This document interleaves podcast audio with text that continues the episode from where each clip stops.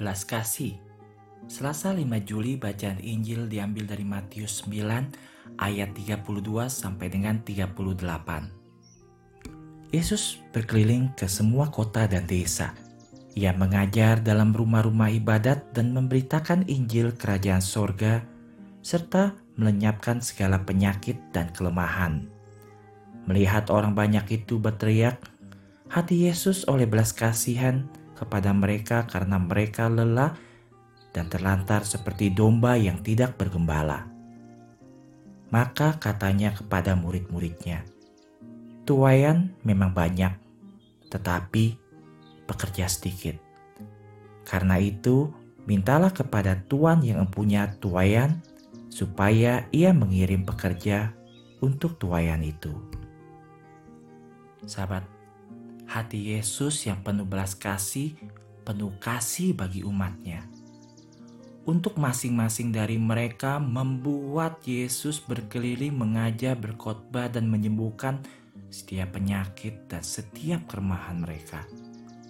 Salah satu hal yang membuat dia begitu menarik adalah belas kasihnya bagi orang-orang dan masalah mereka kesediaannya untuk berada di sisi mereka dan merasakan apa yang mereka rasakan, untuk menjangkau mereka, melakukan sesuatu untuk mereka, dan mengatakan sesuatu yang mereka perlukan.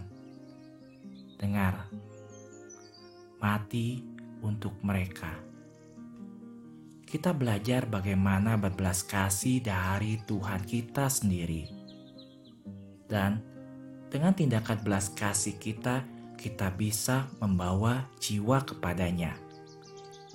Jiwa-jiwa yang mengasihi diri sendiri dan membawa jiwa-jiwa lain kepadanya.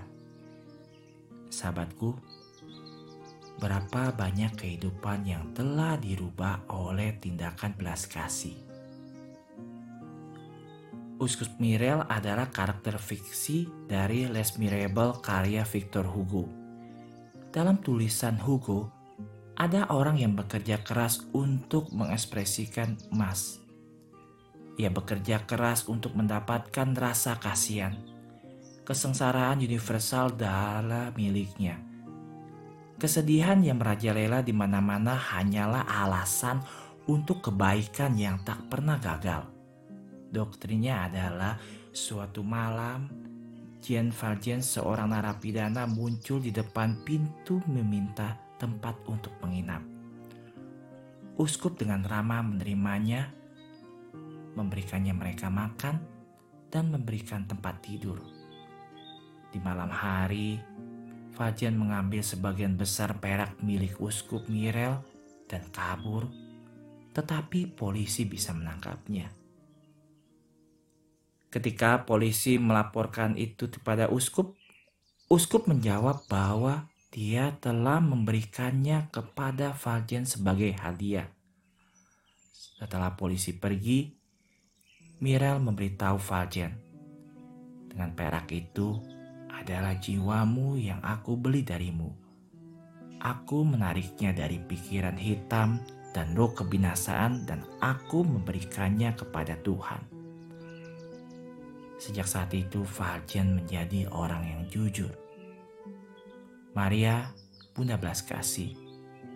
Bantulah aku bertumbuh dalam belas kasih bagi mereka yang dapat aku layani dengan cara apa pun.